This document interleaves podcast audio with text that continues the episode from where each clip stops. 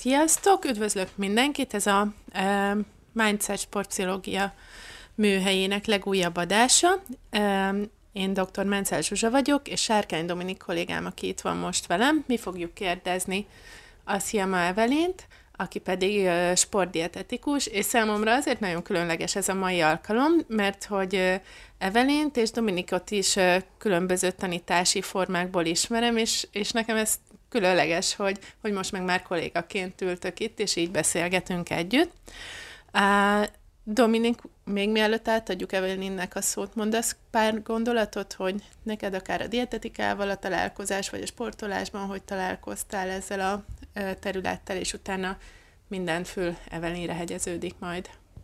Persze, sziasztok! Hát magával a dietetikával a kapcsolatom a sportpszichológián keresztül állandó, mert a sportolók hát nagyon sokszor jönnek különböző kérdésekkel, hogy hogyan táplálkozzanak a versenyre, hogyan készüljenek elő, vagy a regenerálódásukat a verseny után mi az, ami segíti táplálkozás szempontjából. Tehát engem is keresnek meg állandóan sportolók ezzel a területtel.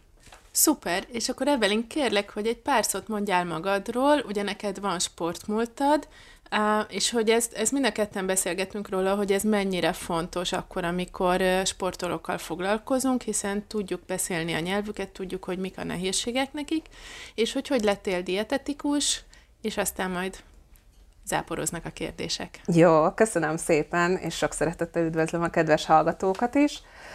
Nagyon nehéz kérdést tettél egyébként fel, hogy uh, hogyan tudnék bemutatkozni, mert a sport múlt az igazából sport jelen is. Tehát az igaz, hogy gyermekkoromban én főleg versenysportoló voltam, tornasportágakban ritmikus gimnasztika, fitki, trambolin, és akkor mellette végig kísért egyébként az atlétika is, ami most visszakanyarodott, tehát volt egy kisebb kihagyásom, amikor a crossfit sportágakra, terepakadályfutásra mentem, és ez jelenleg is igaz egyébként alapozásként, de az atlétika azért csak visszahívott. Azért itt szerintem egy fontos információ, ugye, hogy én gánai magyar vagyok, és ezért ilyenkor nagyon nagy szerepet kap az is, hogy testalkatilag miben van talán nagyobb sikerélményem, és ezért a sprintfutásban, távolugrásban elő, erőteljesen előjön, hogy a tornasportokkal szemben a sprint számok azért a mai napig erősebbek.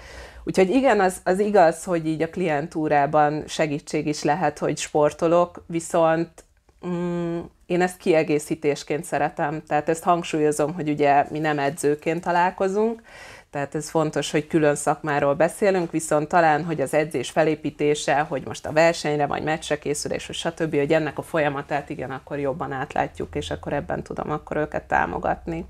Hogy jött a dietetika neked?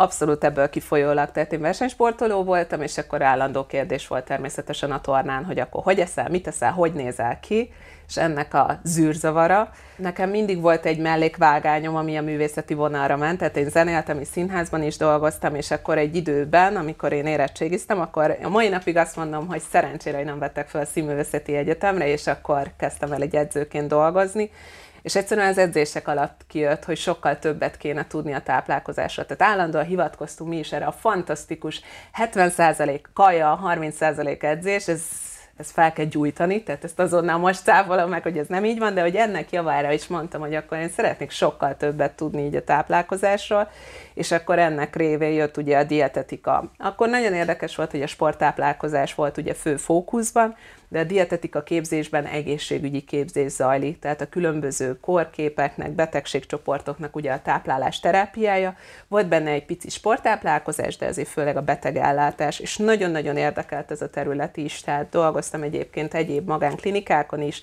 főleg diabetológián, de azért az sem véletlen, hogy most újra sportolókkal is foglalkozom, és mondhatni más specifikumok itt az evészavaroknak, illetve a különböző rendellenes étkezési szokások előfordulása sportolói körben.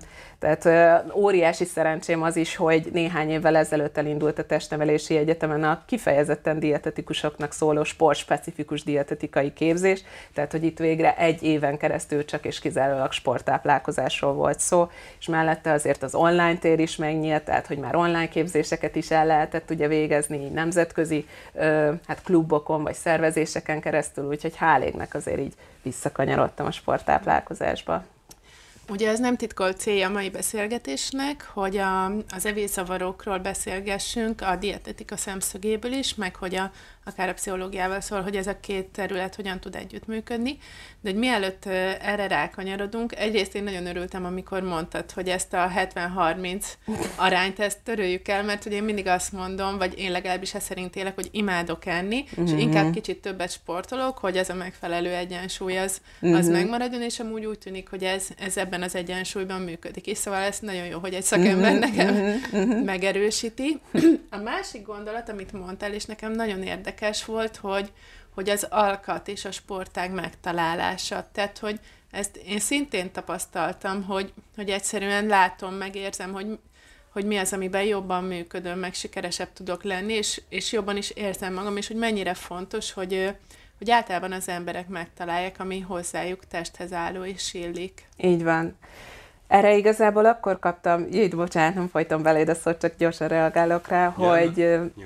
Oké, okay. hogy táncosokkal is foglalkoztam, így több éven keresztül kizárólag táncosokkal, tehát ez róluk szólt, és ott tapasztaltam, hogy mennyire ellenmondásos az a helyzet, hogy valaki csak táncolni szeretne. Tehát azért választotta ezt a mozgásformát, mert egyszerre fizikai művész és előadó, de mellette mégis milyen megfelelési kényszer van azzal kapcsolatban, hogy hogyan néz ki de hogy ez a kettő dolog mennyire nem fejlődik lineárisan. És hogy ugyanezt tapasztaltam meg tornasportolóként. Tehát, hogy én hiába szerettem a rundel flicket csinálni, mégis negatív élménnyel jöttem el az edzésről, mert állandóan azt kaptam, hogy mekkora a fenekem, mekkora a combom hiába ugrottam magasra, hiába érkeztem stabilan, és nem tört ketté a bokám. Nem ez volt kiemelve, hanem hogy mekkora az a farom, ami gyakorlatilag körbe biztosítja az izületet, hogy biztonságban érkezzek. És hogy ugyanezt tapasztaltam táncosoknál, és innentől kezdve nyílt meg ez a kör, hogy sajnos a mai napig látom, hogy bármilyen sportról legyen szó, egyszerűen előjön ez, hogy testalkatilag te hogy nézel ki, és mennyire nem azt vesszük alapul, hogy hogy funkcionál az a test. Tehát, hogy ez a fajta örömszerzés, ez háttérbe lett szorítva, és nagyon az esztétikumnak való megfelelést helyezzük előtérbe, és ez baj mert lehet, hogy valaki ezért nem találja meg a maga mozgás tevékenységét, mert azért nem fog elmenni, nem tudom én rendszeresen kirándulni, mert nem tudja, hogy hány kilokalóriát használ fel, akkor az biztos nem zsírégető, és akkor nem lesz jó. Pedig lehet azt élvezni, és ezt végezni rendszeresen, és ehelyett leerőlteti magát bárhova, amit csak azért űz, hogy akkor ott most esztétikailag hogyan fog fejlődni. Um, nekem csak az jutott eszembe egy párhuzam, hogy, hogy ugye az oktatásban is ez, ez újra meg újra megjelenik, hogy azt dicsérjük-e meg, amit valaki, amit a gyerek stabilan tud, és megcsinál, mm-hmm. vagy pedig uh, aláhúzzuk pirossal, hogy mit, csinál, mit ért rosszul, rosszul, és hogy vajon melyikkel teszünk jobbat. Mm-hmm. És hogy ez mhm. nagyon érdekes, hogy mennyire megvan mm-hmm. a, a sportban, hogy hogy minden áron ugye van egy irány, ami a, az élsportról szól, és hogy eredményt kell érni, elérni, és akkor ott, aki, aki mondjuk nem való oda, az kihullik, uh-huh. vagy mennyire megengedhető, hogy, hogy valaki élvezze azt a sportágat, és hogy olyan embereket neveljünk, akik szívesen sportolnak, még akkor is, hogyha nem élsportolók. Igen, igen, igen. Én nagyon szeretek azzal példálozni, hogy az élsport világában is érdemes megnézni a testalkat típusokat. Tehát, hogy persze, ha nagyon sztereotipizálni akarunk, akkor látható, hogy a kosarak sok magasa, a balettáncosok vékonya, de látunk ellenpéldákat is, tehát az egyik legnagyobb ellenpélda Usain Bolt, akinek a testalkatából ítélve pont, hogy nem sprinternek kéne lennie, de mégis ő a világ leggyorsabb embere, és meg annyi ilyen példát látni, hogy egy dolog, hogy alkatilag egyébként mi lenne ennél teremtve, de nézzük meg, hogy mit tud ez a test.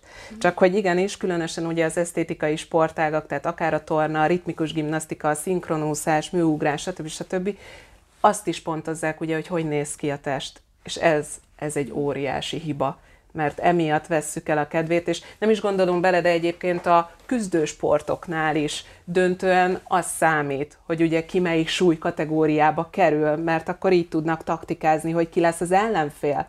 Tehát sokkal nagyobb energia megy arra, hogy a testet hogyan sanyargatják, hogy akkor megfelelő súlycsoportba tudjon indulni, és akkor utána hozzávetőlegesen, hogy ja, egyébként nem lenne baj, hogyha tudna teljesíteni a meccsen is. Tehát ez, e, ez számomra egy ilyen hihetetlen mm, egyrészt felismerés volt, és jelenleg meg küldetés, hogy erre felhívjam a figyelmet, hogy, hogy annyira magától értetődőnek vesszük, hogyha valaki sportol, ha valaki helyesen táplálkozik, akkor a teste már olyan lesz, mint az elvár, de ez nem így van. Nem tudjuk, milyen lesz a test, és hogyha már nagyobb a figyelem, és ez erre való odafigyelés, hogy hogy nézek ki, mint hogy egyáltalán hogy vagyok, akkor ott már viszont kezelnünk kell ezt legalább egy rendellenes étkezési szokásként. És úgy mondtad, hogy ez neked milyen fontos felismerés volt, de hogy a te témád, ami, aminek mentén dolgozol, ugye az intuitív étkezés, az is erről szól igazándiból, hogy mesélsz egy kicsit erről nekünk? Igen. Az intuitív étkezés és maga ez az Amerikából eredő antidiéta szemlélet, ugye, amit megfordítja a jelenlegi gondolkodásunkat, hogy azzal szemben, hogy a minél ideálisabb testsúlyt érjük el, a valódi mentális és fizikális jól létért küzd. És ez nagyon fontos, hogy az egészség fogalmát is igazából, amiről tényleg szól a biopszichoszociális egészség, egyensúly, tehát ami valóban arról szóló, hogy jól teljesítesz és jól érzed magad. Tehát nem azt nézi csak, hogy külsőleg akkor ilyen, milyen lesz a test összetételed, hány kilogramm vagy, hanem hogyan működsz. És az intuitív étkezés, ez valójában nem csupán a táplálkozásról szól, sokan helytelenül fogalmaznak úgy, hogy táplálkozás, és hogy ez különböző alappilléreken, összesen tíz alappilléren nyugvó szemlélet, és persze vannak, ami arra vonatkozó, hogy egyrészt az éjségérzetedet, a jól lakottságérzetedet hogyan tudod megállapítani, egyáltalán, hogy milyen ételt szeretnél enni. Ezen is meglepődnek emberek, hogy hát én ha azt tennék, amit akarnék, akkor egész nap csak pizzát tennék. Ezen érdemes elgondolkodni, miért akarnál egész nap csak pizzát tenni? Lehet, hogy jelenleg korlátozod magadnak a pizzát, és ezért van benne. Tehát, hogy ez is egy érdekes dilemma már Há, itt az elején. Bocsánat, csak hogy ez nagyon hasonló, mint a pszichológiában a, a kognitív gondolkodásmód, mm-hmm. amikor valaki kijelenti, hogy úristen, ha ez meg ez történne, akkor vége a világnak. Uh-huh. És akkor ugye itt indul a pszichológus munkája, uh-huh. hogy de hogy belegondoltál, hogy amúgy akkor valójában mi történik? Uh-huh. És hogy ugye ilyenkor kérdéseken keresztül próbáljuk uh-huh. végigvezetni, hogy miért is uh, hamis ez a gondolat, uh-huh. és hogy valójában kell-e félni ettől a dologtól, vagy lehet, hogy nem dől össze a világ akkor sem, hogyha ő mondjuk hibát követel. Pontosan hanem ugyanúgy fel kell másnap a nap. Így van, igen, igen, igen. És hogy ezek után nem is meglepő, ugye, hogy az első ö, alappillére ennek a szemléletnek, hogy kifejezetten a diéta mentalitás elutasítása. Tehát ha már ezt a szót mondom ki, hogy táplálkozás, sőt azt mondom, hogy dietetikus vagyok, akkor gondolnátok, mi az első kérdés, ami érkezik? De jó, akkor mondd meg, hogy fogyjak le. Tehát én gyakorlatilag, ha új helyen vagyok, akkor nagyon-nagyon-nagyon sokára merem csak elmondani, hogy mivel foglalkozom, mert mindenki ezzel keres meg. És amikor a, a, a, látom, hogy, hogy bárhol vagyunk egy esküvőn, egy családi ebéden, akkor, akkor önkéntelen az emberek ilyen visszafogottan étkeznek, és mondom, figyelj, dietetikusként nekem az a célom, hogy élvezd a falatokat, hogy jó leső legyen, és ez nem ugyanaz, mint amikor zabálsz, mint amikor túleszed magad, mert ez szintén nem egy jó állapot, és hogy pontosan a diéta mentalitás elutasítása ezért fontos, hogy bármit, ami étkezéssel kapcsolatos döntést hozol, az nem azért, hogy ez hány kalória lesz, ez hány gram szénhidrát lesz, hanem hogy hogy érzed magad tőle. Mm. És akkor ezeken az alapilléreken túl nagyon nagy szerepe van egyáltalán a testnek, hogy mennyire becsülöd meg a saját testedet, és ennél is sokan meglepődnek, hogy pff, semennyire. Akkor ezek alapján hogy szeretnéd egyáltalán jól létedet elérni. Szintén egy sarkalatos pont, hogy a mozgás tevékenységet örömteli élményként, szer, programként űz, megint csak nem a kalóriás felha- kalória felhasználás céljából, és hát az utolsó alappillér az pedig, hogy az a kiegyensúlyozott táplálkozás, ami szintén természetesen szerepet kap, hogy milyen vitaminokat fogyasztasz, milyen élelmi rostokat, de ez nem azt jelenti, hogy kizárólag azt. Tehát, hogy szerepet kapnak ebben azok az ételek is, amik csak finomak. Nem azért, mert ettől szeretnéd az immunrendszeredet erősíteni, és hogy tocsogjon a polifenoloktól, hanem mert jó. De hogy pontosan ezt az arányt kitapasztalni, hogy ezeknek a fogyasztásával hogyan működsz jól. Mm. Két dolog jutott az eszembe. Az egyik, ahogy említetted, hogy mondjuk az esküvőkön látod, hogy milyen visszafogottan próbálnak enni az emberek. Ha engem látnak. Hát, ja, ha téged látnak, meg Igen. Forgács Attilának volt ugye egy ilyen hipotetikus kategóriája, hogy a, a lakodalmas kutya uh-huh. típusú zabálás, tehát uh-huh. hogy amikor az emberek elmennek egy ilyen rendezvényre, vagy akár konferenciára, pszichológusokat, nem tudom, Dominik látta, de hogy hogyan csinálja, de hogy így végre jön a gálavacsora, és akkor uh-huh. így mindenki így ráziszen a, uh-huh. a, a svéd asztalra, és így ez a mindent begyűjtök, Igen. ha belehalok is, Igen. betolok mindent, a többieknek már nem maradjon, és hogy így nyilván mindig sokkal többet, de Igen. hogy ugyanez történik ugye az esküvőkön is, Igen és hogy, hogy pont ez a határszabás nagyon nehéz szerintem, akár az intuitív étkezésben is, tehát hogy nekem sokszor eszembe szoktál jutni, hogy igen, azt eszem, ami jól esik, de hogy, de hogy amikor már érzem azt, hogy jól laktam, de hogy még ott van a tányéron, és amúgy annyira finom, és úgy, úgy uh-huh. szívesen megenném, mert még mindig mosolyog rám, hogy uh-huh. így, így gyere. Uh-huh. Szóval, hogy ezeket a korlátokat uh-huh. megtanítani. Ez, ez nagyon-nagyon nehéz szerintem. Igen, hát pontosan emiatt, hogy innentől kezdve indul az önismeret, tehát hogy miből adódó az, hogy még mindig nem tudom abba hagyni, hogy volt esetleg ebben korábban olyan élmény, hogy már pedig ezt egyébként nem szabad. És nagyon tipikus jelenség, akár tényleg itt az esküvő, és örülök, hogy akkor pszichológusoknál is ez állandó téma, mert onnantól kezdve még tehát még el sem jutottunk a tényleges kajáig, egyáltalán a gondolat hogy ú, megyek esküvőre, megyek szállodába, svéd asztalos menü lesz, stb.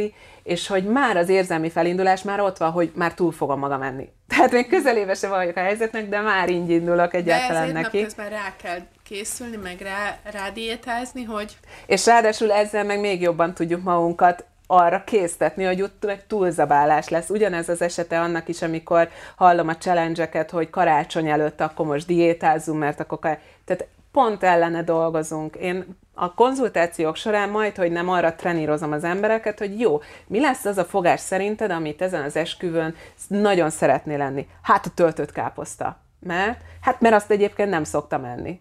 Jó, de mi történne, ha, ha most ennél valahol? Hát, de hát miért? Mert szereted a töltött káposztát, nem? Hát, de. De, hogy pontosan megvannak azok a, ünnepi fogások, megvannak azok a rituálék, hogy annak akkor van ott a helye, és hogy pont ettől van ilyen misztérium körülötte, hogy akkor meg túl kell maga menni belőle. De hogy ezt próbáljuk elképzelni egyáltalán, nincs is arra lehetőség, hogy persze most csinálsz egy vajling töltött káposztát, hogy jó, akkor mi történne, ha te csak úgy szerda délután azt teszed, vagy az egyik ebéded az most az lesz. És hogy egyszerűen látni fogod, hogy, hogy ez a fajta ö, villogás, hogy ez mennyire egy különleges étel, ez, ez meg fog szűnni, vagy hogy egyáltalán az élményeket, az emlékeket mennyire fogod észrevenni, hogy igen, valójában az az étel azért esik jól, mert arról eszembe jut mindig a nagymama ebédje, vagy ahogy az anyukám készíti azt az almáspitét, de hogy ezeket ismert föl, és hogy gyakorlatilag, amikor így beleveted magad ebbe az almáspitébe, akkor nem is az étel gyűröd magadban, hanem azokat az élményeket akarod újra átélni, de ezt, ezt fel kell tényleg ismerni, és ezért szeretek együtt dolgozni úgy kliense, hogy mellette pszichológushoz is jár, akár, mert akkor ott a magas labda, hogy látod, ez a felismerésed ehhez kapcsolódik, és hogy azt az élményt meg ti folytatjátok tovább, de hogy az evésen keresztül tudatosítottuk, hogy ja, ennél így működöm, hogy. Mondjuk azt gondolom, hogy tehát ennek a, ezeknek a rituáléknak azért sokszor megvan a helye. Tehát, hogy amit te is mondtál, hogy mondjuk egy karácsonyi menü, az egy fix dolog. Legalább például nálunk az egy nagyon fix dolog volt, hogy 24-én délután anyukám mit főz, és én ehhez nagyon-nagyon ragaszkodtam, uh-huh. és mhm. amióta már ő nincs, és nem főz, nekem ez nagyon hiányzik. hiányzik. Uh-huh. És nem azért, mert a legtöbb ételt nem enném máskor, hanem egyszerűen az oda tartozik, Igen. és az adja meg ugye az egész helyzetnek a biztonságát, az ismerősségét. Igen. És hogy ezért is ugye érzelmi szinten nagyon nehéz szétválasztani. Persze. Tehát, hogy a, a, a pszichológiában azért megvan ezeknek abszolút a helye. Igen, de hogy ezért mondom, hogy ez így van rendben. Tehát, hogy itt arra akartam kanyarodni, hogy nagyon gyakori példa, hogy a karácsonyi menüt az készíts zsírszegény csirkemelből, vagy cukkini főzelék legyen a, nem tudom, a rántott ponyszelet Nem, tehát, hogy nem ez a megoldás, és hogy gondoljuk végig, hogy, hogy valóban az egészségünknek akkor teszünk kárt, amikor ezeken az alkalmakon fogyasztjuk ezeket az ételeket. Komolyan? Mm. Igen, ugye ez a klasszikus, megint csak ilyen kognitív torzítás, vagy gondolkodási mm-hmm. hiba, hogy ha most megettem ezt a szelet sütit, akkor a diétám az semmit sem ér, és akkor Igen. most már inkább bevágom az egész tortát, de hát ugye nyilvánvalóan nem attól az egy szelettől fog elmenni igen. mondjuk a cél. Igen, igen. De hogy ez a felismerés emiatt nehéz, hogy és hogy látjuk, hogy illetve így az intuitív étkezésnek is ugye képzése van, és hogy erre trenírozzák így erre úgymond a kócsokat, hogy, hogy ez az alkalmazás, amikor egyetlen elképzeljük, tehát mondom, nem feltétlen kell odáig eljutni, hogy te most elkészíted azt az ételt, csak mi történne akkor, ha tényleg te egyik nap nem azért, mert kiérdemelted, nem azért, mert úgy teljesítettél, nem azért, mert nyertél a lotton, hanem mert csak te úgy gondolkodsz, hogy most te megeszed azt a sütit, csak mm. úgy. Tehát, hogy nem várod ki azt a pillanatot, hogy akkor most látni fogod, hogy ez csak egy étel. Mm. És amikor ez a rituálé megtörténik, akkor át tudod azt élni, hogy valóban abból az ételből annyit fogyasz, amennyi neked jól esik. Tehát, hogy nem az lesz a jól lakottság, amikor már kipukkadsz, mert nem. Erre vonatkozólag is van skála alkalmazásunk, éjség és a jó lakottság megérzésének is. A tízes skála, a húszas skála nagyon-nagyon változó, éppen mit akarunk trenírozni, de hogy ott szoktuk szemléltetni így vizuálisan, hogy nem kalóriában, nem grammokban értékelve, mert ez mindig szubjektív, hogy most éppen tényleg milyen az étvágyat, hanem a te saját érzésed szerint most milyen éjségi állapotban vagy értelemszerűen minél éhesebb vagy, valószínűleg az étkezés azt követően annál gyorsabb ütemű lesz, és annál nagyobb mennyiséget tudsz egy egységnyi idő alatt bepuszilni. És a jól lakottságodat kevésbé fogod tudni megérezni. De hogyha ezt meg tudjuk oldani, hogy akkor kezd el, amikor abban az állapotban vagy, hogy igen, tudnék enni, de nem a vasszeget rágnám le, akkor sokkal tudatosabban tudsz abból a szempontból étkezni, véletlenül sem az a tudatosság, hogy ez most bio, öko, vagy milyen ö, egyéb forrásban, stb. hogyan származik, hanem hogy a saját jeleidre mennyire tudsz figyelni. Hogy akkor én igen, ettem abból a zserbóból, ettem akkor abból a krémlevesből, ettem abból a rántószerből, stb. stb. De annyit, amennyi nekem jól esett. Mm. És hogy az egyik ilyen nagyon egyszerű praktika ezeken a helyeken is, akár esküvőn vagyunk, akár is fédasztalon, vagy bármilyen családi ebédnél, hogy tartsunk úgy étkezési szünetet, hogy felállunk, kimegyünk. Tehát akár, hogyha ugye más helyen vagyunk, hogy nem egyszerre szedünk mindent a tányérra, hanem adott ételt, amit éppen megkívántunk, minél inkább javaslom egyébként a kis tányért is, tehát hogy egyébként már a szem, mint optikailag, akkor egy kicsit azt úgy jobban telíti a kisebb tányért, mint amikor ugye egy hatalmas pizzatálon úgy elveszik az étel, és amikor elfogyott, akkor felállok, oda sétálok, és szedek a másikból, és gyakorlatilag ez az étkezési szünet ugye segít abba, hogy egyáltalán élettanilag létrejöjjön az a visszacsatolás, hogy ja, de kezdek telítődni. Igen. Amúgy ez milyen érdekes, hogy nagyon hasonló a, a mindfulnessnek igazándiból a, a, a gondolkodás módjához, csak ugye ott azzal kezdjük, hogy a testünket, hogy a testünkben zajló érzéseket, az indulatokat felismerni, és hogy, hogy utána mit tudunk kezdeni ezzel a külvilág felé. Tehát, hogy ez a klasszikus ö, példa talán, amikor mész reggel a dugóban, és hogy így ordíthatsz, és igen. káromkodhatsz együtt az összes többi autós alatt uh-huh. körülötted, és idegeskedhetsz rajta, vagy felismerheted, hogy mi is az, ami dühít, és hogy ez, ez frusztráló, vagy hogy ez, ez testileg hogyan csapódik le, uh-huh. és eldöntheted, hogy, hogy mit kezdesz vele, hogy én most ordibálni akarok, és ezzel mondjuk a, az amúgy, nem tudom, a valamelyik családtagom felé érzett frusztrációmat ezzel így, így kimondom, le. és levezetem szó szerint, vagy pedig azt mondom, hogy hm, mondjuk nemrég jelent meg a, nem tudom, a, a Mindsetnek egy új izgalmas podcastja, és akkor itt most van időm meghallgatni, uh-huh. mert mhm. úgyse tudnék mást kezdeni az időmmel. Így van. Csak hogy a reklám helye legyen, de hogy a lényeg, hogy, hogy ugye mit tudok kezdeni ezzel a helyzettel, Pontosan. hogy tudom használni sok mindenre. Uh-huh. Abszolút. Nagyon gyakran egyébként kutatásokban együtt veszik a mindful eatinget az intuitív étkezéssel is. Tehát pont emiatt, hogy ez a közös gyökere megvan, csak mindig, amikor így kifejezetten a szemléletet gyakorlók nézik ezeket a kutatásokat, azért azt hozzáteszük, hogy ez nagyon-nagyon fontos különbség, hogy itt egyértelmű szerepet kap, hogy a diéta mentalitása nélkül. Tehát valaki kezdhet úgy mindful eatingbe, hogy benne van a fogyás célja. Tehát, hogy azért étkezik így, hogy fogyjon. Intuitív étkezésben nem ez a cél.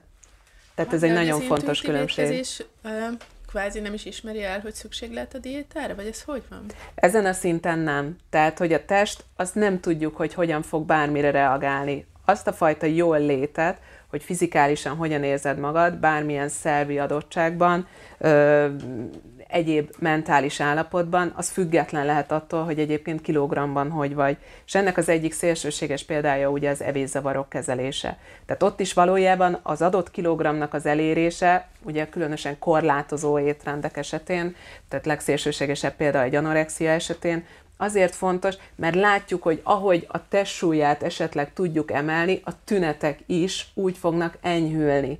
De nagyon fontos, hogy ennél már egyből nézzük meg, hogy milyen szokások fognak változni. Tehát a legkritikusabb ugye, amikor látjuk, hogy lehet, hogy az adott kliens testsúly szerint, tehát BMI szerint megérte azt a súlyt, amire le lett szerződve, mégis folyamatos evészavaros gondolatok járnak benne. Tehát nem gyógyult meg és ez egy szakmai hiba szokott egyébként lenni, hogy elengedjük a kezét, mert hát BMI szerint elérte a célsúlyt.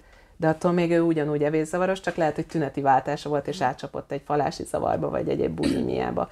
És hogy a nagyobb testtömegnél ez ugyanígy egy kritikus hiba. Pont a mai napon egyébként nemzetközileg a az obezitás napja, ami egy nagyon érdekes esemény volt, ezt engedjétek meg, hogy így megosszam, mert pont a WHO osztotta meg, és fröcsögött a testzsírfóbiától az egész poszt úgy, hogy a maga a WHO is adott ki 2017-től már olyan közleményeket, hogy a testsúly stigmára fel akarják hívni a figyelmet.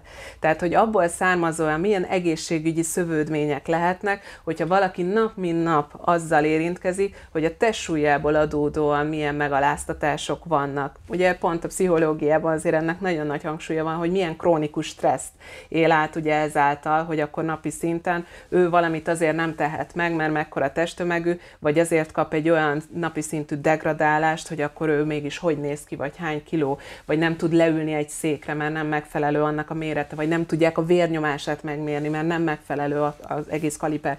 Tehát, hogy, hogy nagyon-nagyon sok olyan sajnos normalizált tesű stigmás gondolkodásunk és kijelentésünk van, ami gyakorlatilag gyakorlatilag egy olyan szintű megkülönböztetés, mint lehet az a bőrszín alapján, az életkor alapján, a vallás alapján, és hogy ilyenkor felmerül a kérdés, ugye, hogy tyúk vagy tojás. Tehát ténylegesen a zsírszövet szaporulata okozza-e azokat az egészségügyi kockázatokat, vagy ez a fajta testsúly stigma. És ugye jelenleg itt állunk, tehát hogy pont ez a probléma, hogy az adott szervezet is hiába ad ki egy ilyen közleményt, hogy hú, csúnya, rossz dolog, és pont a mai nap ők adtak ki egy ilyet, hogy hát mennyire egészségtelen a magas testtömeg. Én azt gondolom, hogy, hogy nagyon nehéz megtalálni az egyensúlyt ebben, nehéz. hogy erről sokat vitatkozunk amúgy a férjemmel, hogy, hogy testsúlystigma, meg non-diéta szemlélet, de hogy mégis hol van az a határ, tehát hogy, hogy ne azt uh, propagáljuk, hogy mindenki fogadja el magát úgy, ahogy van, még ha az 120 kilósan egészséges is, tehát hogy, hogy, hogy hol lehet ebben megtalálni azt, hogy, hogy azt támogassuk, akkor, hogy jó, ne fogyozzál, hanem legyél egészséges. Uh-huh. Tehát, hogy, hogy ne azt támogassuk, hogy ne csináljál semmit, és ne legyél igényes magadra, meg, uh-huh. meg uh-huh. ne próbáljál egészségesen élni, mozogni úgy, uh-huh. ahogy jól esik. Uh-huh. Tehát, hogy, hogy hol lehet megtalálni szerinted ebben a egyensúlyt? Uh-huh. Én úgy gondolom, hogy pont a kérdésben válaszoltad meg. Tehát, hogy mi az a szokás, amit ő végez. És az a baj, nagyon összemossuk. Tehát azt gondoljuk, hogyha valaki az étkezésében már tudatosabb, vagy a testedzési szokásaiban, és így szoktam direkt mondani, hogy edzés és sport helyett használjuk a mozgás kifejezést, mert nem mindenkinek van arra lehetősége, hogy rendszeresen eljárjon edzeni. Lehet, hogy neki az lesz a mozgás, hogy a munkahelyén, és ugye az egyik legjobb példa sajnos az elmúlt pandémiás helyzet, amikor valakinek tényleg annyi volt a mozgása, hogy a busz megállóig sétált, az irodaházban sétált, nem a mozgó lépcsőt, nem a liftet használta, hanem ott lépcsőzött, ez kikopott. Tehát, hogy ezt nézzük meg, és ami, ahelyett, hogy szintén ezen lovagolnánk, hogy most az elmúlt években mennyit hízott a világ, hogy nézzük meg, hogy de mi történt és hogy valószínűleg tényleg emelkedni fog akkor a testsúly, hogyha az a minimális mozgás is kikopott, és akár egy otább felmérést, ha megnézzünk 2014-es adatok szerint, egy átlag magyar napi 10 percet sétál. Hát ez valóban nem elfogadható, tehát, hogy az mint az antidiéta szemlélet, mint az intuitív étkezés azt propagálja, hogy a mozgástevékenység rendszeresen ott legyen. Az étkezésben szintén gyakrabban szerepeljenek a zöldség-gyümölcsféléknek a fogyasztása, de ezeknél mindig ott van a ha. Tehát, hogy megnézzük, hogy mi az oka annak, hogy valaki nem fogyaszt elég ilyen fajta növényi hatóanyagot, vitamint, ásványanyagot, élelmi rostot, stb. stb. És hogy szintén sajnos aktuális példa a jelen keleti helyzet is. Tehát, hogy milyen élelmiszer elérhetőségünk van, milyen egészségügyi ellátásbeli hol, ö, hozzáférhetőségünk van. Tehát, hogy ezeket a szokásokat göngyölítjük fel, és hogy ezeket hogyan tudjuk rendbe tenni, testsúlytól függetlenül. És hogy szintén itt rávilágítsak a testsúly stigmára, hogy hányszor van ez az eset, hogy ott van mondjuk egy magasabb testtömegű ember, aki tényleg elmondja, hogy ő hetente háromszor el szokott menni edzeni, mellette van a napi négyszer-ötszöri étkezése, de nagyobb a testsúlya. Hmm, hát még fogjon le. Még lehet, hogy van egy normál vagy egy alacsonyabb testsúlyú személy, aki se nem mozog, se nem étkezik úgy, ahogy ez az elvárt, de ő egészséges, mert vékony. Mm. Ez egy nagyon tipikus hiba egyébként, nem csak a dietetikai ellátásban, hanem általánosan, hogy hát ő vékony, ő bármi tehet. Neki nem kell sportolni, mert vékony. Miért is? Akkor mi a cél? Igen, és hogy ez milyen érdekes, azt ugye mind a ketten jártunk futóversenyekre, és ott úgy nagyon, nagyon látszik, hogy, hogy vannak olyan futók, akik itt több száz kilométert futnak akár, és mégis egy ilyen erősebb testalkatuk van, és amúgy meg bárkit lefutnak Így nagyjából. Van. Igen. És hogy most akkor ki az egészségesebb. Pontosan. Amúgy nagyon kíváncsi vagyok, hétvégén megyünk színházba a Fat Pig című előadásra, ami pont ezt a témát boncolgatja, egy, egy, egy nagyon elhízott hölgy, és egy nagyon szépen kipattintott srác kapcsolatáról szól, hmm. és hogy még az ő lelki kapcsolatuk, vagy hát párkapcsolatuk ugye így szépen kezd kibontakozni, és a fiú is kezdi levetközni az összes ilyen testsúlystigmával kapcsolatos hmm. gondolatát, amiről amúgy szintén Forgács Attila írt korábban a könyvében, hogy, hmm. hogy ugye milyen sztereotípiák hmm. kapcsolódnak a túlsúlyhoz már pici Így gyerekkorban is. Így van. Náluk ugye, hogy a környezet hogyan reagál az ő kapcsolatukra, hmm. és hogy, hogy mit, hogyan tesznek ellenük, úgyhogy... Mesélj majd róla, mindenféleképpen nagyon vagyok. érdekesen hangzik. Uh-huh. Tehát, hogy ezek a helyzetek, amikor talán úgy rászoktam világítani, hogy most akkor mi valóban azon vagyunk leragadva, hogy a túlsúlynak itt milyen egészségügyi kockázata van, vagy azon, hogy a mi testsúly stigmás, vagy testzsírfóbiás szemünk mennyire, mennyire nem bírja ezt elviselni, és hogy ezzel fedjük De valós problémát. van ez a testzsírfóbia? Szóval, hogy így nagyon összetett ennek egyébként a háttere. Tehát nemzetközileg én ebbe belemerek állni pont a származásom miatt, abszolút összeköttetésbe hozzák a rasszista hozzáállással. Tehát, hogyha visszamegyünk néhány száz évet az időben, akkor ez látható, hogy jellemzően, hogyha a testalkati sajátosságokat nézzük, akkor az a fajta fekete populációnál gyakrabban megfigyelhető nagyobb test, az határozottan nagyobb arányba fordult elő, mint a fehér populációban. És akkor innentől kezdve még lehet akár a ruházatról is beszélni, hogy ugye amikor az úri hölgyek, ugye főleg ilyenkor a társadalmi különbségek is még nagyon megosztók voltak, ugye, tehát, hogy ez ebben a rangokban is, hogy akár a széles karimájú kalapnak is valójában az volt a funkciója, hogy védje a hölgyeket ugye a napfénytől, hiszen ha már barnul a bőrük, akkor egyre jobban hasonlítanak az alacsonyabb társadalmi osztályhoz. De hogy ez a fajta kerekdedség igazából itt is egy ilyen párhuzamot vonhat, de a másik, hogyha már így modernebb okokat szeretnénk mondani, hogy ez egy fantasztikus alapot ad egyáltalán a fogyasztói társadalmi működésnek. Tehát akár szépségipar, divatipar, fitnessipar, hogy egyszerűen azzal generálva, hogy nem vagy elég jó, nem vagy elég vékony, nem vagy elég fiatal, nem vagy elég ez, meg az, meg az, meg fogod vásárolni azt a terméket, azt a szolgáltatást, amivel te le fogsz fogyni, amivel te ránctalanabb leszel, amivel karcsúsít az a bugyi, amivel ez, meg az, meg az. Tehát, hogy itt megint, hogy, hogy nem vesszük észre, hogy valójában tényleg az esztétikumra hajt tartunk, és csak egy fedő sztoriként mondjuk, hogy jaj, meg hogy egészségesebb is leszek. Nem, hanem kell az a fajta szerethetőségérzés, hogy így elfogadnak, én ezért megbecsülést kapok, engem ezért meg fognak tapsolni, hogyha lefogytam, és pontosan akár az evészavarral küzdőkkel szoktunk egy ilyen játékot is játszani, amikor ugye visszasírják a sokkal vékonyabb alkatukat, hogy de emlékszel, hogy akkor hogy érezted magad? Ott voltál 40 kilósan, ott voltál 30 kilósan, hogy érezted magad? Folyamatos elégedetlenségben szorongtam, depressziós voltam, így láttam a világot, stb. De mégis abban a testben voltál, amit ugye mindenki megtapsolt. És hogy ugye ez a probléma, hogy egy egy nagyobb testben miért nem hisszük el, hogy valaki ténylegesen jól tudja magát érezni, mert azokat a tevékenységet végzi, amitől a fizikai állapota szintén alátámasztja, hogy ő jól van a bőrében. Csak mellette nap mint nap több száz ember felhívja a figyelmét, hogy te dagat vagy.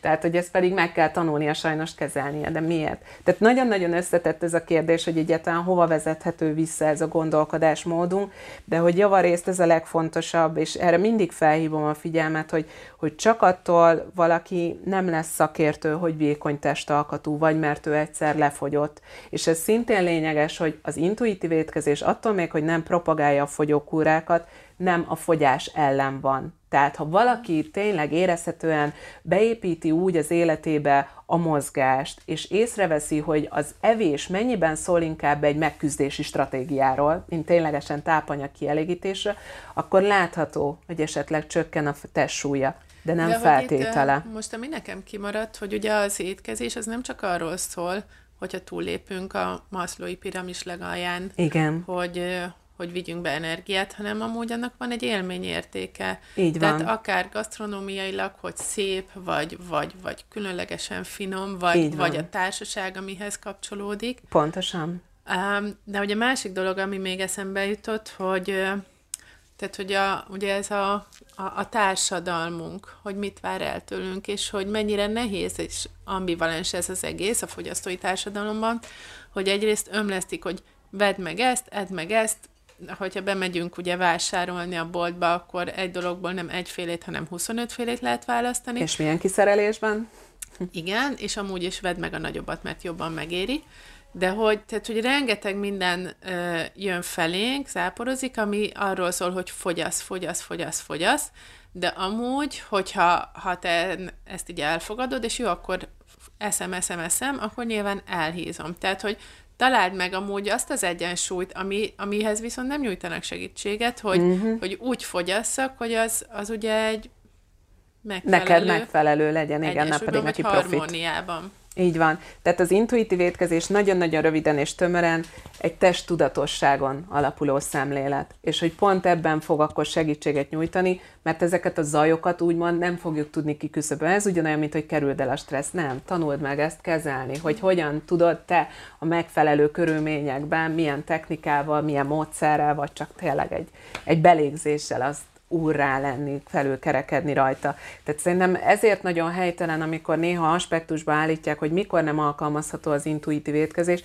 mert melyik részére gondolok? Tehát értelemszerűen egy aktív evészavarban lévőnél nem azt fogom forszírozni, hogy érezd meg az éjségedet, érezd meg a jól lakottságodat, mert ott már idegrendszeri, hormonális oka van, hogy nem fogja tudni meghatározni akár az éjségét, a jól lakottságát, hanem az, hogy egyáltalán a testedről mit gondolsz és akkor viszont már a testkép kérdéséről beszélhetünk, hogy ja, egyébként azért ostorozom, mert utálom, ahogy van. Innentől kezdve miért akarnám táplálni? Pont az utóbbi időben volt egy olyan anorexiával küzdő kislányom, aki most elkezdte egyébként meglepően jól megközelíteni újra a mozgást. Tehát nem a kényszerességét, hanem hogy észrevette, hogy egyszerűen neki annyira jól esik csinálni a különböző tabata jellegű gyakorlatokat, megállapodtunk, hogy nem liheg, hanem kényelmes tempóban, mert utána érzi, hogy egész nap ül a suliban, egyrészt örülünk, hogy jelenléti oktatás van és közösségben van, de ül a suliban, és hogy utána fáj a nyaka. És ezt, amikor végzi ezt a tabatát, akkor utána mennyivel jobb. De hogy nála ez volt egy óriási előrelépés, hogy de jó, úgy megismerte a mozgást, hogy ezt úgy végezni, hogy ez tényleg funkciójában mit tesz. És megérezte azt, hogy a testéről gondoskodik ezzel. Tehát, hogy nem abból a célból végzi, hogy akkor azt az almát, amit elfogyasztott reggelire, azonnal felhasználja, hanem azért mozog, mert tényleg utána fizikailag jobban érzi magát. És ezt nagyon nehéz átültetni, mert mellette sajnos kampányok szólnak erről, hogy a kakaós csigát utána hány óra futással tudod lemozogni, a pogácsát után. Ezek butaságok, amikor arról beszélünk, hogy általában az emberek nem szeretnek mozogni, akkor létszi a mozgásról ne büntető eszközként beszéljünk már. Tehát, hogy, hogy az egész, egész gondolkodásmódot tudja egy kicsit úgy felrázni, hogy akkor most mi is van prioritásban, mi is számít úgy nekünk. És hogy, hogy, hogy erre mondom, hogy inkább az intuitív étkezést azért nem szoktam én mindenkinek javasolni, mert nem biztos, hogy valaki úgymond ennyit szeretne egyelőre törődni ezzel a fajta önismereti kalandozással. Nem biztos, hogy van rá jelenleg lehetősége, ez időigényes, tehát hogy, hogy úgymond önzőnek kell lenned azzal kapcsolatban, hogy jó, most én arra figyelek, hogy egyáltalán nekem mire van szükségem. Ez nem mindig kivitelezhető, de bizonyos pontjai azért úgy, úgy át, átvihetők. Még egy gondolat, mondjad. Csak az jutott eszem, hogy mondtad, hogy ennek a tudatosságnak a kialakítása nagyon igényes, és hogy időigényes, és hogy nem mindenkinek van erre lehetősége. Hogy nyilván mondjuk az, hogy elmegy valaki hozzá, találkoztok, és egy órát beszélgettek erről, ez egy nagyon kis szelete magának a folyamatnak, és hogy mit tehet valaki egyénileg azért, hogyha ő ezzel szeretne foglalkozni, hogy, hogy ebbe fejlődjön. Uh-huh.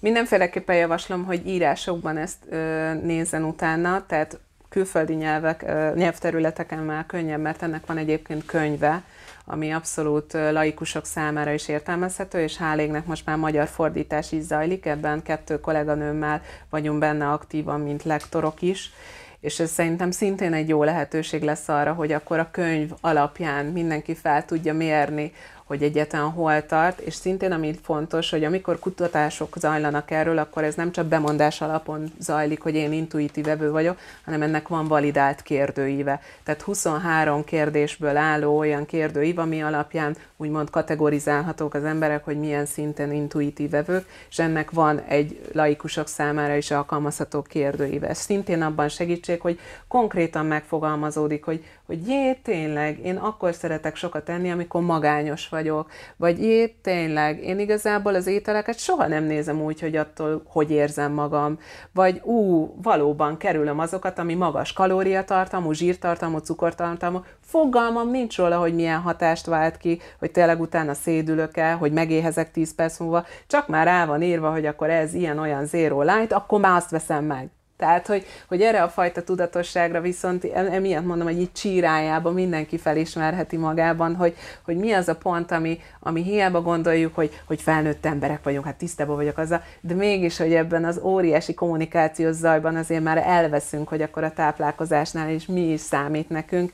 Tehát én emiatt javaslom mindig, hogy ezeket az írásokat, vagy már egyre több, hála nektek is podcastekben, vagy egyéb fórumokon is hallhatók vagyunk, hogy, hogyha csak egyetlen egy mondat van, ami talán úgy célba talált, hogy ú, tényleg azon elgondolkodom, akkor már úgy gondolom, hogy elindult az út az intuitív étkezés irányába. Tehát ez szintén nagyon fontos, hogy egy diétával szemben ez nem úgy van, hogy akkor látom előre a szabályokat, megcsinálom, jól leszek, hanem először egy, egy hatalmas homályba indulok el, hogy mi lesz ennek a vége. Mert hogy tényleg az a felfedezés, az maga igazából ez a tanulási folyamat, és az, az maga a cél. Tehát, hogy, hogy emiatt izgalmas szerintem, hogy, hogy így folyamatába derül ki, hogy fú, még ezt is megtudtam magamról, és még ez is, és még az is.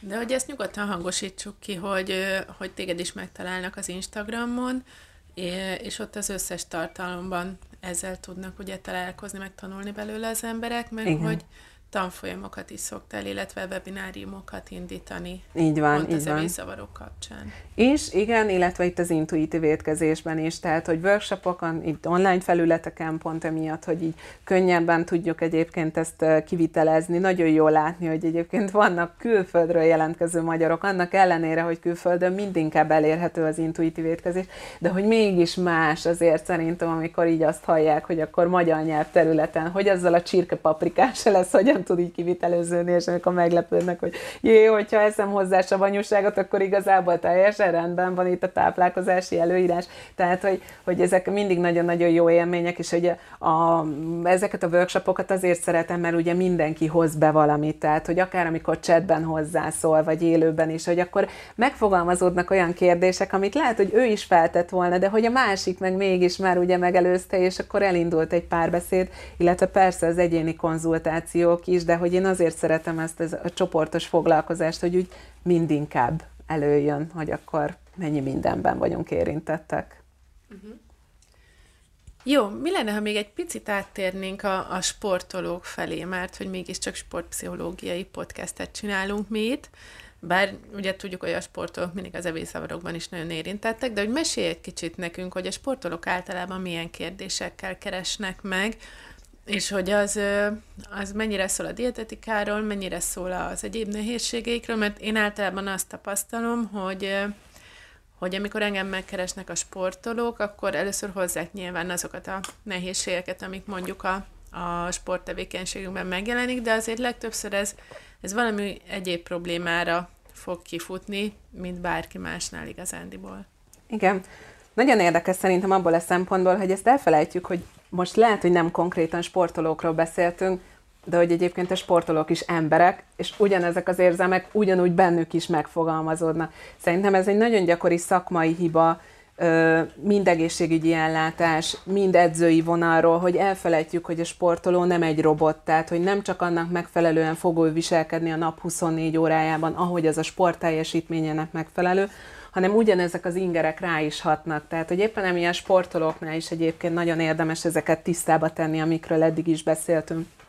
De értelemszerűen náluk az a speciálisabb, ideális esetben, hogy a teljesítményét szeretnék fokozni. Ezt azért mondom, hogy ideálisan, mert nagyon gyakori, hogy fogynom kell. Azt mondta az edzőm, hogy fogynom kell.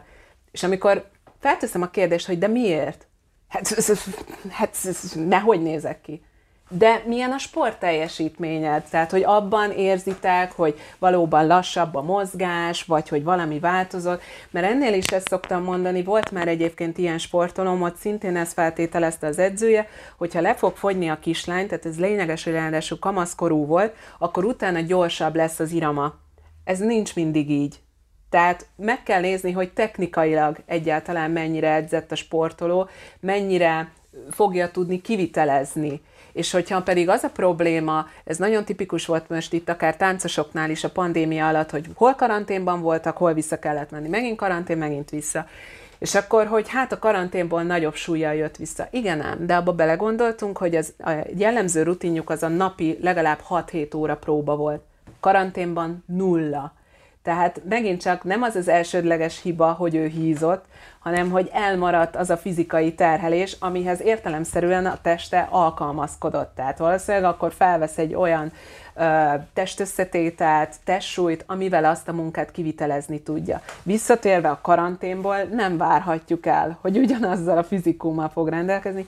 Idő, megint idő, és ami ilyenkor sose volt, hát ez ugyanez, és hogy a fokozatosság elve az nem csak a sportban, hanem ugyanígy a táplálkozásban is fontos. Tehát, hogy, hogy én erre szeretem mindig felhívni a figyelmet, és itt jön ugye a csapatmunka, hogy ilyen nagyon szeretem felvenni a kapcsolatot az edzővel, a szülővel, és hogy pontosan ezeket a háttér tényezőket megkérdezni, hogy jó, de min alapszik. És már volt rá példa, amikor azért úgy el lehetett mondani az edzőnek, hogy legyen türelemmel, most elindult az edzés, megnézzük, hogy a táplálkozási szokását hogyan alakítjuk, nem biztos, hogy egyből kilókban fogjuk látni, de látni fogja a fejlődését.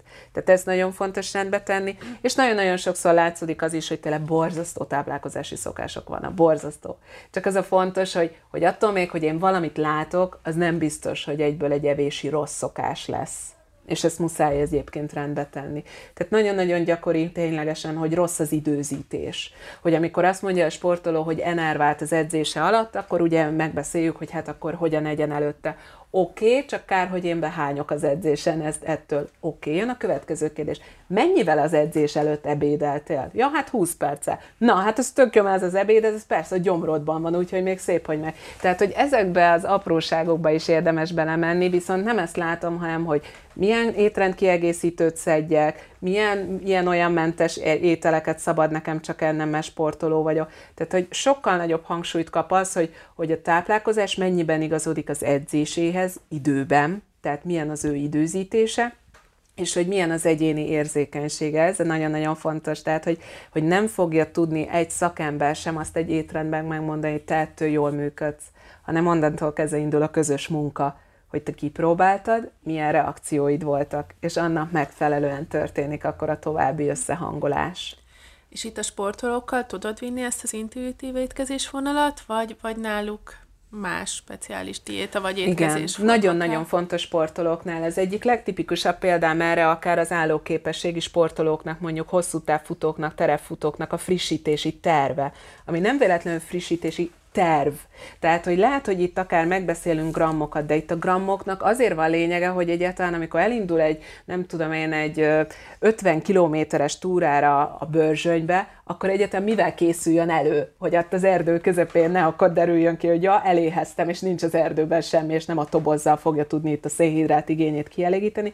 Tehát, hogy ott kell ez a grammozás. De ez azt jelenti, hogy akkor ott megbeszéljük kilométerről kilométerre, hogy akkor ott mondjuk benyom akkor 25 g cukortartalmú energiazselét, megérzi, hogy ettől ő jobban van-e, vagy sem, hogyan reagált itt az emelkedős utáni szakaszra, és utána a következő folyadékbevitele, szénhidrát frissítése hogyan alakult. Nagyon-nagyon fontos ez a testtudatosság, hogy érzi-e a saját visszacsatolását, vagy hogy amikor érzi, hogy már kezd úgymond behúzni az izmat, tehát kezd görcsösödni. Ez is nagyon gyakori jelensége akár az elektrolit hiánynak, vagy sóhiánynak. És gyakran látom, különösen amatőr futóversenyeken, vagy Spartan versenyeken is, hogy elkezdik nyomni a magnéziumot ezzelre, és megkérdezem, hogy te figyelj, három órája vagyunk a terepen, te mit tettél ez alatt a három óra alatt? Hát két szem szőlőcukrot. Na hát ez óriási. Tehát, hogy, hogy ezeket az alapvető dolgokat muszáj rendbe tenni, hogy nem, egyáltalán nem hősködés az, ha valaki azt mondja, hogy ő lefut, szomjan egy fél maratont. Nem, hülye vagy. Tehát azért kell folyadékot fogyasztani, mert egyszerűen azt a testhőmérsékletet, hogy fent tud tartani teljesítményromlás nélkül, és ez a teljesítményromlás, ez most nem a percekről múlik, hanem azzal, hogy romlik a teljesítményed, utal arra, hogy az agyad nem kap megfelelő tápanyagot, a veséd is már küzdik, a hasnyálmirigy, az ez meg az meg az.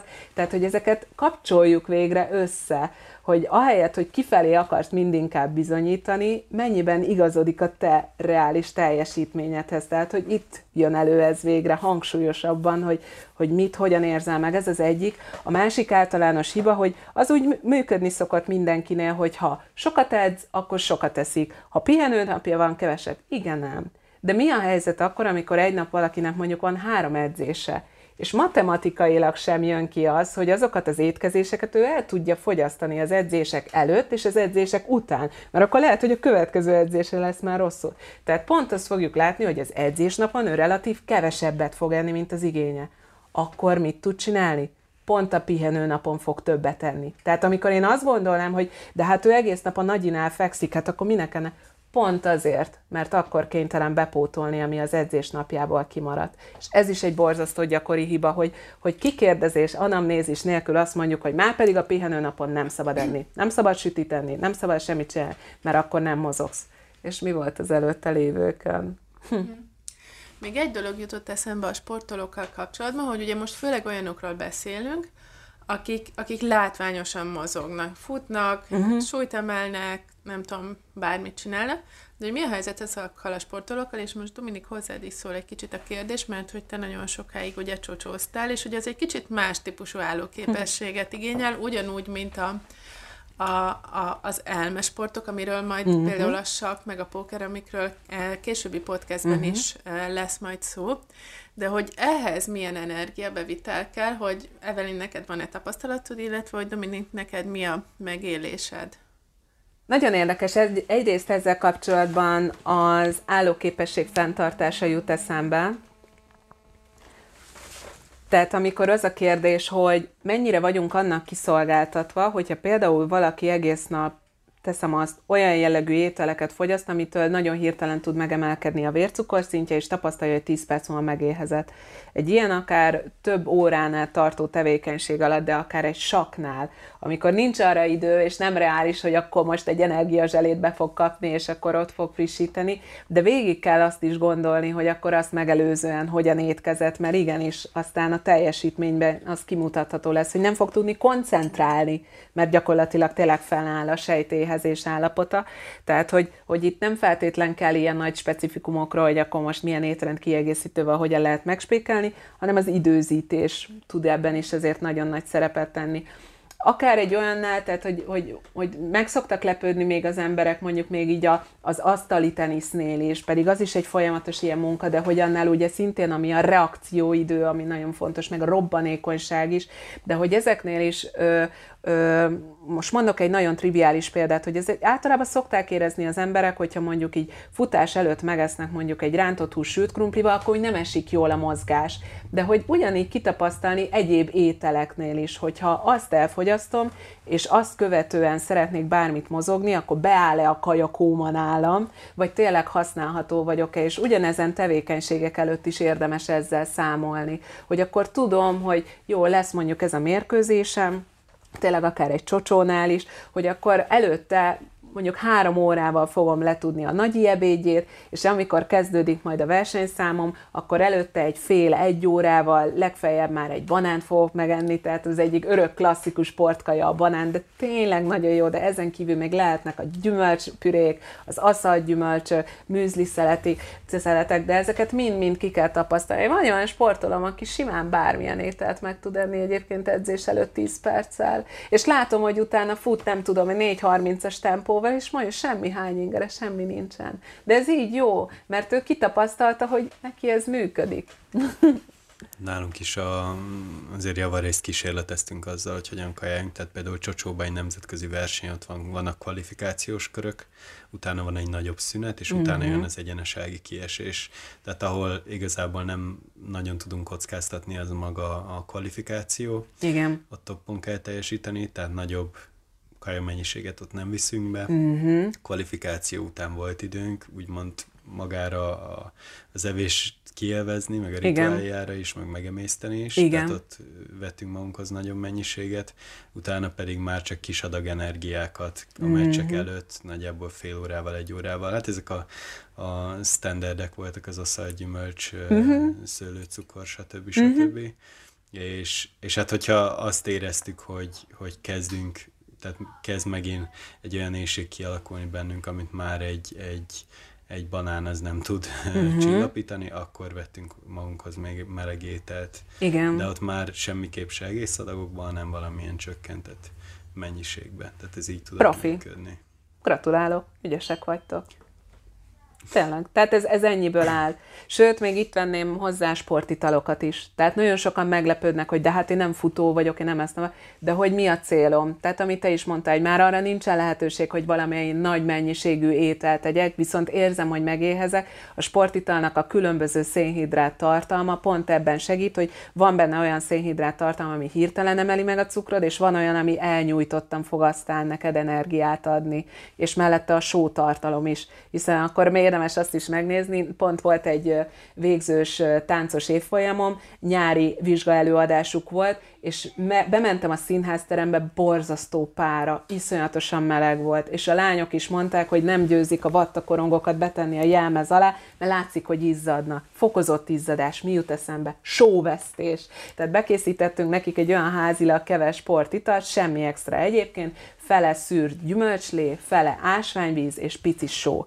De így, milyen 40 fok volt a színházteremben, az a pici só, az nem pici só volt. Viszont mondták, hogy még az össztáncra is, ami a kezdés után három órával volt, úgy hányták az elemeket, meg olyan formában voltak, mint máskor soha. Pedig azt gondolnánk, hogy egy táncosnak semmi szüksége a sportital, ital fogyasztására, de hogy ilyen körülmények között meg pont jó frissítés volt. Tehát azért mondom, hogy, hogy ezért imádom így ezt az egész sportvilágot, mert annyira jól beleépít az életébe, hogy hogyan működik, mit érez, milyen körülményeknek van kitéve, és akkor mindig jön valami extrém helyzet, hogy, hogy mit tudom én, elutaztunk, és a szálláson nem volt elérhető az a kaja, amit mondtak, oké, okay, valamit akkor is enned kell, valamit akkor is.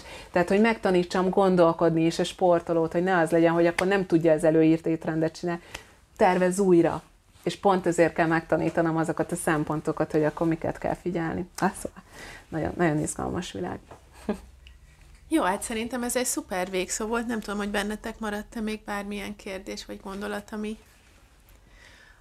akkor nagyon szépen köszönjük, Evelin, hogy itt voltál, és elfogadtad a meghívásunkat, és hát szerintem ez egy nagyon izgalmas beszélgetés volt, és, és nagyon sok jó, jó muníciót és továbbadni valót mondtál el nekünk, úgyhogy köszönjük szépen. Örülök, nagyon szépen köszönöm a meghívást.